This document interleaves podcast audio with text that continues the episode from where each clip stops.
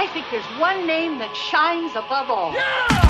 siza nathi Sihleli ke no Mr Ozel uh, waka Mdletshe u provincial coordinator la eh, oqhamuka ke kwinhlangano i Higher Education and Training Health Wellness and Development Center. Eh kanti ke ibizwa ngokuthi ke he aids eh uma ngabe ke usuli nqamulela nje uzoxoxa nathi ngezindaba ezithinta kakhulukazi ke eh ezenzeka lapha ke esikhungweni semfundo.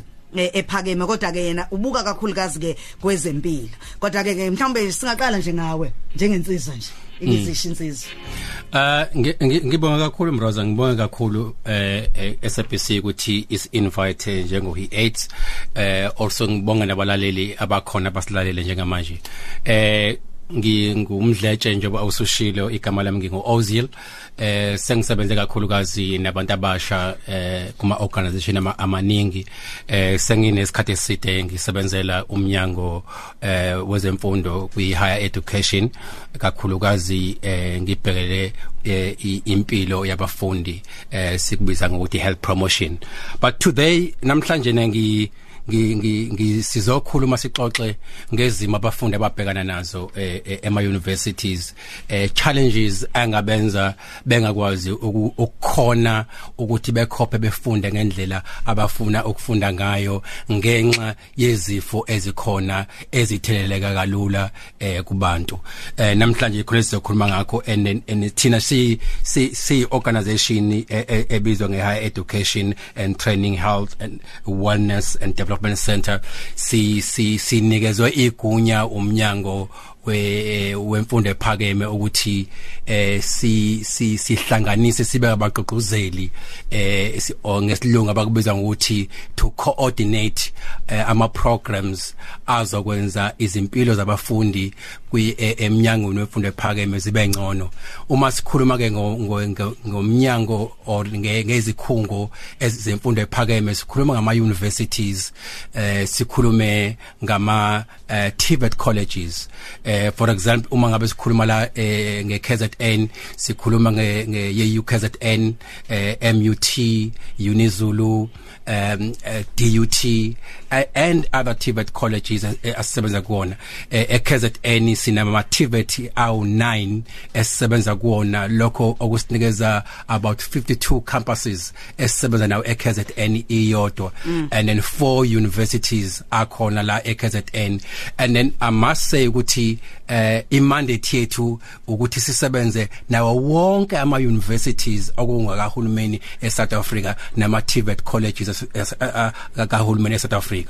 Umsebenzi wethu yilowo. Ngiyakozwa maduzana ke sizobe sithola nje amanqamba ukuthi ke ingabe kahamba kanjani uzobe sekhona ke uhlophe. Asitshela ukuthi ke ingabe kuhamba kanjani. Sibuka nje la ukuthi eh kunabafunda sebevele sebehambile sebeqalile eh, eh, ukuya eh, bathatha ama suitcase baye ezikoleni abanye ke bayahamba ngesonto eh isonto labo lokugcina kuyakhulekwa ekhaya kuya- Umthwalo usobhokweni. Eh, umthwalo usobhokweni eh mabandleni bayakhulekelwa ngesonto nakusasa abanye baz- laba basabathayo ngo- ngo- ngomgqibelo. Eh bobe bekhulekelwa futhi kuthiwa niphathe kahle esikoleni. Hambani kahle ke eh, nibuye namajazi nibuye nemfundo nani nani nani. Kodwa uhamba nje omunye um- umntwana mhlambe siyajabula sonke emphakathini uthola amabhasari emfundaze ngenxa yokuthi uphase kahle wathola o distinction nani nani ugijima ama companies eh azosho ukuthi thina sifuna ukukuthatha thina sifuna ukukuthatha. Uyiphathe kahle kodwa. Siyakunika thina le basari kodwa uyiphathe kahle. Eh siyakukhulekela la ebandleni siwumphakathi uyiphathe kahle. Uyahamba nesuitcase ngiyiphathe kahle bengingayiphatheni kahle? Ukuyiphatha kahle okunjani? Sengingaphakathi esikhungweni semfundo ephakeme. Yikuphi lokho abazali abathi ngiyiphathe kahle kukhona? Mina ngilalele njengomzali njengomuntu oyofunda kanjalo njengothisha njoma ilecturer efundisa ngaphakathi. Kanti ke le ngxoxo sixoxayo uzoyithola kwi podcast yokhoze FM www.ukhozefm.co.za uzongena kwi podcast kukho konke azobe ekhuluma ngakho umdletshe. Uyiphatha kahle. Ah mhlawumbe kokuqala ukuthi eh ngi- ngicela ungivumele ngi- ngisho ukuthi eh i- program yethu sibiza ngokuthi ngokwesilungu fasting first okusho ukuthi qala ngokuqala ngakho. Qala ngokuqala ngakho. Qala ngokuqala ngakho. Shuthi izinto okufanele uqale ngazo yilezo okufanele uqale ngazo. Mhlawumbe abanye abantu abadala bayabuza yini manje leyo cha nje? Awuphanga umdaka izulu linganile sihleli ke nomdletshe la mm, eh ngomane. Awuchaza ukuthi nithini kubafundi eh ngalesi siqubulo senu. Um mhlawumbe kokuqala angisho ukuthi eh kuyangithokozisa eh, ngiyaziqhenya ukuthi intokazi lekade ifunda indaba la unolwandle eh eyinye ama product ethu. Ah eh yes. eh from one of the NGO ngangisebenza kuyona eh kwaze kwaba se Durban University of Technology efunda. And then i am proud ukuthi uhlele la uyasebenza wenza umsebenzi wakhe muhle and then uyazithanda Yeah. ngoba ilapha eqala khona indaba. Now usho into ebaluleke kakhulu la eh, eh, sisimrozo ukuthi em- emakhaya abazali bathi ezinganeni njengamanje uze uziphathe kahle. Yes shisimpepho njengamanje Yes. sibiza amadlozi you know sithi ba- siyathandaza bahambe nathi, siyashabaranda siyathandaza. Sithi uze uyiphathe kahle. Now kuzwakala kamnandi mabe kusho abazali. And futhi kufanele bekusho lokho. Now eh mhlambe into efanele siyibheke ukuthi kungani besho kanje? Eh abazali eh bazi ngaphezulu kwalabantwana laba baya ema universities njengamanje eh babhekane nezinto eziningi kwimpilo yabo abafisa ukuthi abantwana babo bengadluli kuzona. Eh bengaboni lobo bubi bona beyiphathe kahle ngoba bakwazile ukubona lezi zinto zibaphatha kabuhlungu.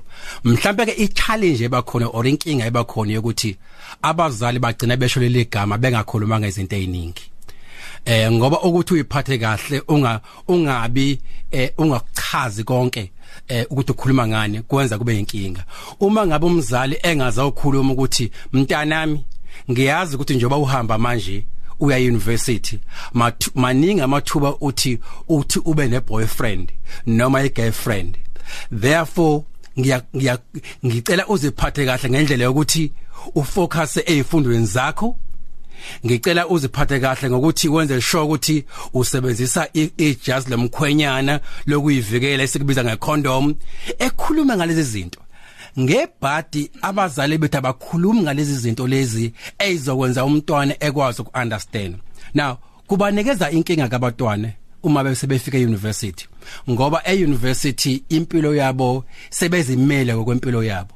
And nikhumbula ukuthi even abafundisayo euniversity abasamlandeli umntwana njengoba kade landelwe ehigh school. Usephila impilo yakhe ngokuyimela uhlala endaweni yakhe eh uvuka kusenge ngesikhathi asithandayo ungena kwi lecture room ngesikhathi asifunayo uyakwazi ukuphuma eshiwe engashawa kushawa umuntu usephila impilo yakhe le esithi u- use independent now kubalulekile ukuthi abantwana bekwazi ukunikezelwa information ezokwanela azokwazi ukuthi ethathe izinqumo ezizomsiza.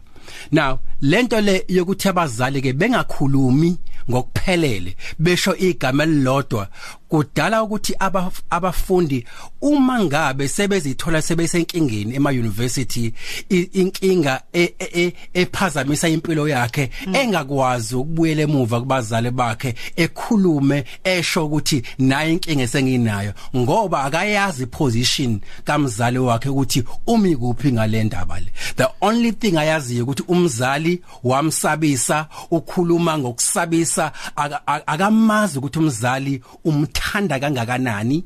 Umzali ubheke kangakanani ukuthi lezi zinto zingenzeka kuyena? So so thina ke siwuhi 8 umsebenzi wethu ukuthi senze sure ukuthi eh sakha ithuba labafundi ukuthi abakhulume ngalezi zinto. Umfundi akakhulume ngaya akazazi ngayo ukuthi ungubani you know? U- uzazi ukuthi ungubani futhi uzokwenzani la university and then and then ngiyakhumbula ukuthi ngi- ngisasebenzela enye yama university sasine program esasibiza ngokuthi graduate alive. Okusho usho ukuthi eh thola iziqu zakho usaphila. Ngoba maningi amathuba ukuthi zingaphuma iziqu zakho wena ungasekho umzimba wakho yingakho sina le program esiyibiza ngokuthi fasting first okusho ukuthi impilo yakho kuqali akube yiyona ehamba phambili yes ufike euniversity ufuna ukuzoba engineer ufuna ukuzoba eh eh eh, eh, eh journalist kodwa okubalekile ukuthi eh i degree yakho noma i diploma yakho akusiyona eyosebenza. Wena kahle hle oyosebenza uma ngabe usuqedile ukwenza i degree yakho. Ngakho ke kubalulekile ukuthi wena uyazinakekela ukuze wena uqeda ukufunda ufunda uyakwazi ukuthi impilo yakhe iqhubeke. Mhlawumbe nayo into efala ngisho ebalulekile ukuthi abafundi akabayi ema university just because befuna kuba nama degrees okay. Now baya ema e universities bayofunda ukuze bebe ilaba bantu abazokwazi ukuthi beachieve impilo bekwazi kuba namathuba kwimpilo yonke ngendlela ngokwezomnotho nangokwe yonke indlela yokuphila. So imfundo ibanikeza amandla ukuthi lezi zinto abayifunayo bekwazi ukubeyithole now kubalulekile ukuthi ke ukuze efike kuleyo ndawo yena uyazinakekela umzimba ke muzimba wakho ngokwengqondo uyazinakekela. So kunzima ukunakekela ke mroza kunzima ukunakekela umzimba if ingqondo yakho ingakwazile ukuthi ilunge.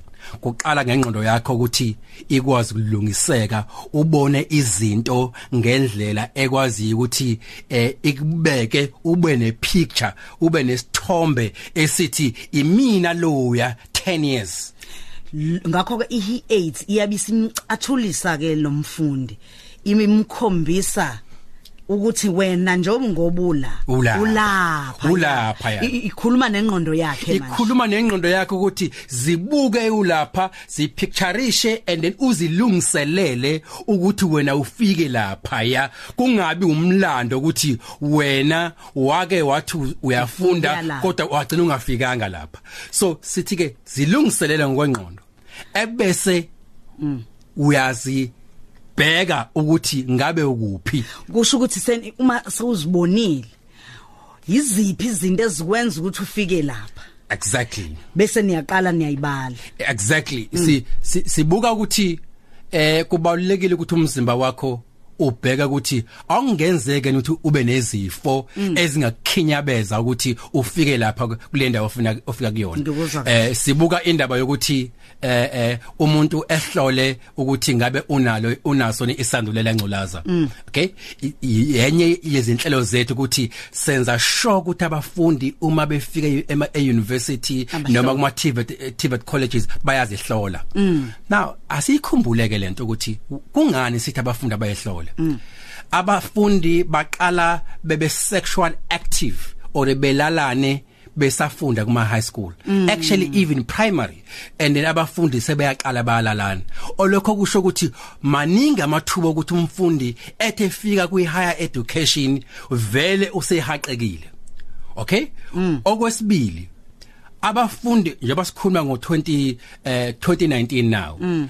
eh abafundi abazalwa yithina. Mm. eh ngineminyaka esimningi kakhulu ungangibuza. Hayi lutho khuleka khuleka abafundi ingane ezalwa yithina eh amathuba maningi ukuthi ezinye zazo zazalwa negciwane. Kodwa azikwazi lokho ukuthi sinegciwane ngoba thina asikwazanga ukukhuluma nazo. Ngoba kwathina besingafundisekile kwathina siyasaba asazi lezi ngalo siyitshela kanjani. Yingakho kubalulekile ukuthi sithi umfundi mayifika e-university akazazi status sakhe. Siyamhlola for HIV mm. Siyam encourage ukuthi akazazi eh sibuka izifo ezifana no no TB yeah sibuka izifo ezifana no sexual um, transmitted infections mm. STIs yeah. izifo ezingena ngesifo sangasese mm. siyabuka ukuthi zihlole ukuthi ngaba unazo lezo zifo lezo why sikwenza lokho why siqala ngokuthi zihlole mm. ngoba uma ngabe usuzihlolile uzobe usukwazi ukunikezwa indlela sisebenzisana nama organizations eSouth Africa yonke okuyiwona ahlolayo okuyiwona akwazi ukunikezela usizo sisebenzisana nohulumeni mm. wase South Africa Department of Health Higher Education and Social and Development mm. ukwenza sure ukuthi labafundi laba bayayithola isupport abayidingayo so umfundi uma ngabe esetestiwe watholakala ukuthi unesifo esithile mm. ube sekwazi ukuthola usizo ngaleso sikhathi usethola usizo ngaleso sikhathi useyatshela ukuthi nangu wena lapho khona bese Yes. sikukhombisile isithombe sakho Yes. kodwa kunezimo ezingakwenza ungakwazi ukufika ngenxa yesifo esithile esesingaphakathi kuwena exactly sesizokulekelela kanjani ke thina njengo he AIDS ukuthi ufike kulesi sithombe ngokuthi sikuxoxe sihlangane namanye ama organizations si o- o- umsebenzi wethu ukwenza sure ukuthi siletha lonke usizo oluphathelene nempilo eduze kwakho eh eh eh, ecampusini la ukhona ungabe use university use TVET college noma ngabe kuthiwa kuyiphi campus iwanongoma i- i- i- isemanguza ise Fryhead siletha usizo lwezempilo kuyicampus kuyona I- i- in- indlela esisebenza ngayo sithi uma ngabe sikunikeza ulwazi eh ngalezi zi- zifo nangempilo yakho asithi hamba uye clinic ushiye ukufunda. Sithi thina yima la eclass ecampusini kuyona siza kulethela eh izinsiza eh ecampusini la ukhona so that ungazomosha isikhathi sakho sokufunda ngoba imfundo siyibuka njengento ebalulekile kuwena. Awungaphazamiseki ngenxa yezinsiza engakwazi ukufika kuwena. Siyayazi impilo eh yezikhungo zezempilo ye- yethu ukuthi ziyagcwala. Eh eh lokho kungadala ukuthi kushone ilanga ulindele ukuthola usizo. So yingakho thina sithi ke siyawaletha lezi zinsiza lezi zinsiza ecampusini yakho ukuze usizakale. Uzo uzo testwa uzokwazi ukunikezwa eh, eh, i-treatment yezifo eng- eh, engatholakala kuwena. Even ARVs imishanguzo yabantu abane ntsholongwane eh sithi ithole ecampusini Eh, ezinjengoba ngikhuluma nawe nje eh kunabafundi ema universities abangakhiwishi ema hospitals and clinics eh akhona emaduzane asemacampusini. Kodwa i-treatment abayithola ecampusini ngenxa yalama organization esebenzisana nawo and a partnership nohulumeni. And then lokho sekuze kwafika nasekuthenini uma ngabe sesikhuluma eh ngokuzivikela. Ngoba enye into ebalulekile ukuthi kuhlele esilenzayo sibuka kakhulukazi ukuthi singenza kanjani ukwenza sure ukuthi uyazivikela singabheki ukuthi wena usunaso lesi sifo. Wenza kanjani ukuthi uyivikele? Iprogram ethi ikhuluma ngalokho. And then and then njengamanje sesikhuluma nanokuthi eh kwezinye zezikhungo zethu sesinikezela eh eh nangeleli philisi abalibiza ngokuthi iprep ekwazi ukuthi ivikele iHIV if ukuthi umuntu eh, ulale nomuntu onayo yena engenayo. Ngiyakuzwa. Ngani na? Ngenxa yokuthi abafundi sebekhululekile bayakwazi ukuxoxa asho ukuthi izolo kade ngisephathini ngizithole sengihlangana ngokocansi nomuntu onala kodwa ubengekakwazi ukukhuluma kanjalo kube ihi AIDS bengekho. Sikunikeza ithuba 0893109193 ake sibheke nje la si- si- singakamthatha umlaleli uke wakhuluma ngokuvikelwa komfundi. Eh mhlawumbe nje inhlelo enizenzayo zokuvikelwa komfundi. Sihamba kanjani istigma Okay. sokuthi senginesifo esiwukuthi ngabe ushukela ingabe icancer ingabe iyona iHIV ingabe yini yini? Um mhlawumbe asiqale ngokuthi eh ngokwe program yethu uma ngabe sikhuluma ngokuvikela sikhuluma ngokuthi umfundi enikezwe eh, amandla okuthi ethathe impilo yakhe eyibeke ezandleni zakhe. Lekhe sekubiza ngokuthi empowerment. Eh secondly si si promote kakhulu ukuthi abafundi besebenzise ama condom and then we encourage kuma kuma campuses ukuthi ama condom ekwazi ukuthi e distributwe kuwo wonke ama corners ama campuses and residences ukuthi ama student ekwazi ukuthola ama condom sikhuluma about ukuthi i prevention ukuzivikela kwabafundi kuyinto ebalulekile. And then ingakho eh kuma universities ethu nama TVET colleges ethu eh sigqugqumezela ukusikwa kwamajwabu as well. Ukuthi sisebenza nama organization nohulumeni ukuthi abafana basika amajwabu ngoba i research ikushilo ukuthi eh maningi amathuba okwazi ukuthi uma ngabe uyijwabu usikile eh ukwazi ukuvikeleka kuyisifo esifana esifana neHIV and then now ukhulume ngendaba ye stigma now that's one of the bigger challenge esabhekene nayo kuma kuma kwimfundo ephakeme ukuthi abafundi bakakwazi ukukhululeka ukukhuluma ngokukhululeka. Eh eh ngezimo ababhekene nazo ngoba besaba ukucwaswa. So now i program yethu ukwenza sure ukuthi i environment mm. eh iyakwazi ukuthi inikeze ithuba ukuthi bekwazi ukukhuluma. Si encourage ukuthi abafundisi uma befundisa abakhulume ngalezi zinto lezi. So that umfundi ezothola ukukhululeka ukuthi now uma ngabe kukhulunywa ngale ndaba le eh eh in a lecture room then it means ukuthi mina nginakekelwa ngiyathandwa la ekhaya. Yezinye izinto esiyibuka ukuthi azenzeke. And then and then abafundi bagcina kwesinye isikhathi eh beshona bengaziwa ukuthi babulawa yini bengaziwa nabazali babe abazali begcine besho izinto eziningi bengazi ukuthi umfundi kanti ubethole iHIV ubefunda euniversity ubesenegciwane ngoba ubengekho open to ifamily yakhe. Kuba buhlungu kakhulu mhlawumbe uthola umuntu kade grade ha sajabula kwabamnandi dukuduku uyagula umuntu dukuduku uyashona. Thina siye sibe sesithi uthakathiwe. Ingane yami noma uthakathiwe eh ngoba nakho esefundile. 0893109193 0893109193 ake sizwe la ukhozi sawubona? Yebo yebo uyaphila waphele Yebo nangu ngomane Eh lapho ungomane wengomane ukhuluma noSandiswa kamchile la ema kwagabela emakhaya lesigodi kwagabela. Aw siyabonga. Eh cha mina ngingathi mina eh ngikuzwa ngathi kuwumqondo omuhle ukuthi ingane mabonise ngesimo sempilo yobudlelwane womfana noma intombazane ukuze kube lula kube lula ukuthi noma ngathiwa esikolweni iyakuthola iyafundiswa ngakho kungabikho mhlawumbe ukuyithusa kwangakho. Kodwa-ke lokhu ukuthi mhlawumbe kutshitshe ngendaba zamakhondom mhlawumbe noma ngathi ukusaba ukujola ngibone ngathi singathi awemjolo ngoba nakho amakhondom kuthiwa asetshenziswa.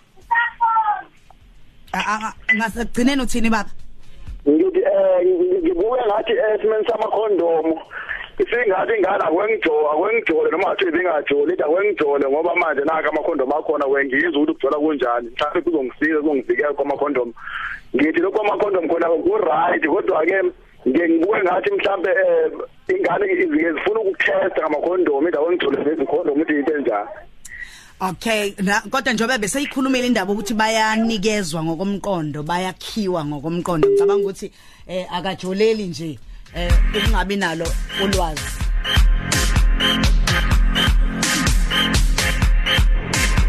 Ake sibheke futhi ukhozi yebo? Yebo eh ngigama ngosabanda mina ngawamagwaza show encamaneni Aha. Yeah bangela ukubuza mina lapha kumsindazo ukuthi mhlambe ukukhuluma nendodakazi yakho uyitshela ukuthi kumele isebenzise icondom inayilala. Akukho ukugqugquzela ukulala komntwana lokho. Ukunokuthi umyale ngokuthi mkhathi mbene angalali all bese kuzoba yini ngiroza bese kuzoba kunesikole esilapha etown. Ngizonikhuluma ngendaba yey'kole ey'phakeme kunesikole semfundo ephakeme lapha yana efanishani mhlawumbe bawumlethe manje nolwazi ngangidendulela ukuthi kuyenzeka yini enesingayikhokheli iy'ngane kuphinde kufuneka o-four thousand kubazali. Ngiyalalela emsakazweni makuwukuthi into yenza hayi akulungela ke sikhulume ngalokho azokhuluma ngakho nje yena lokho qeda ukukhuluma ngakho mayelana nentombazana ukuthi uma ukhuluma nayo eh ngeke ni ithole isigqugquzeleka ukuthi izimbandakanye ngokocansi. Kodwa ke asikhulumi ngentombazane kodwa sikhuluma ngentombazane nomfana. Eh ngibonga kakhulu umlaleli lo obuzayo. Ubuza into ebalulekile. Mhlambe nanto afanele silungise ngesikhathi umzali ungakhulumi nengane yakho ngoba usaba ukuthi izogqugqumezeleka falo kwazi ukuthi izoyithola information kubangani bayo. Ngaphandle izoyithola information ithola kubantu aba wrong.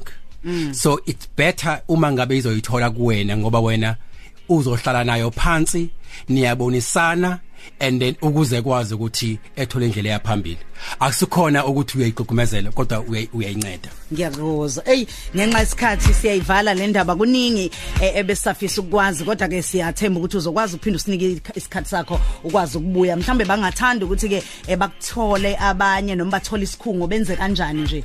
Eh siyatholakala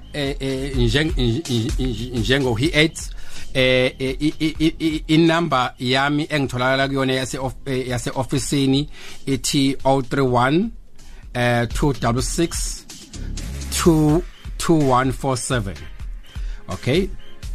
And then and then also i i ngi ngi ngikuvulele okutheni ukuthi eh uma ngabe ithuba siliphinda silithola singakwazi ukuthi size la ngoba vele kuyisifiso sethu ukuthi sikwazi ukuthi sixoxe nabazali nawo wonke umuntu wase South Africa eh ngoba iqhaza labafundi abase imfundo nephakeme libalulekile ezweni lethu. Siyabonga kakhulu ngomani. Kubonga mina.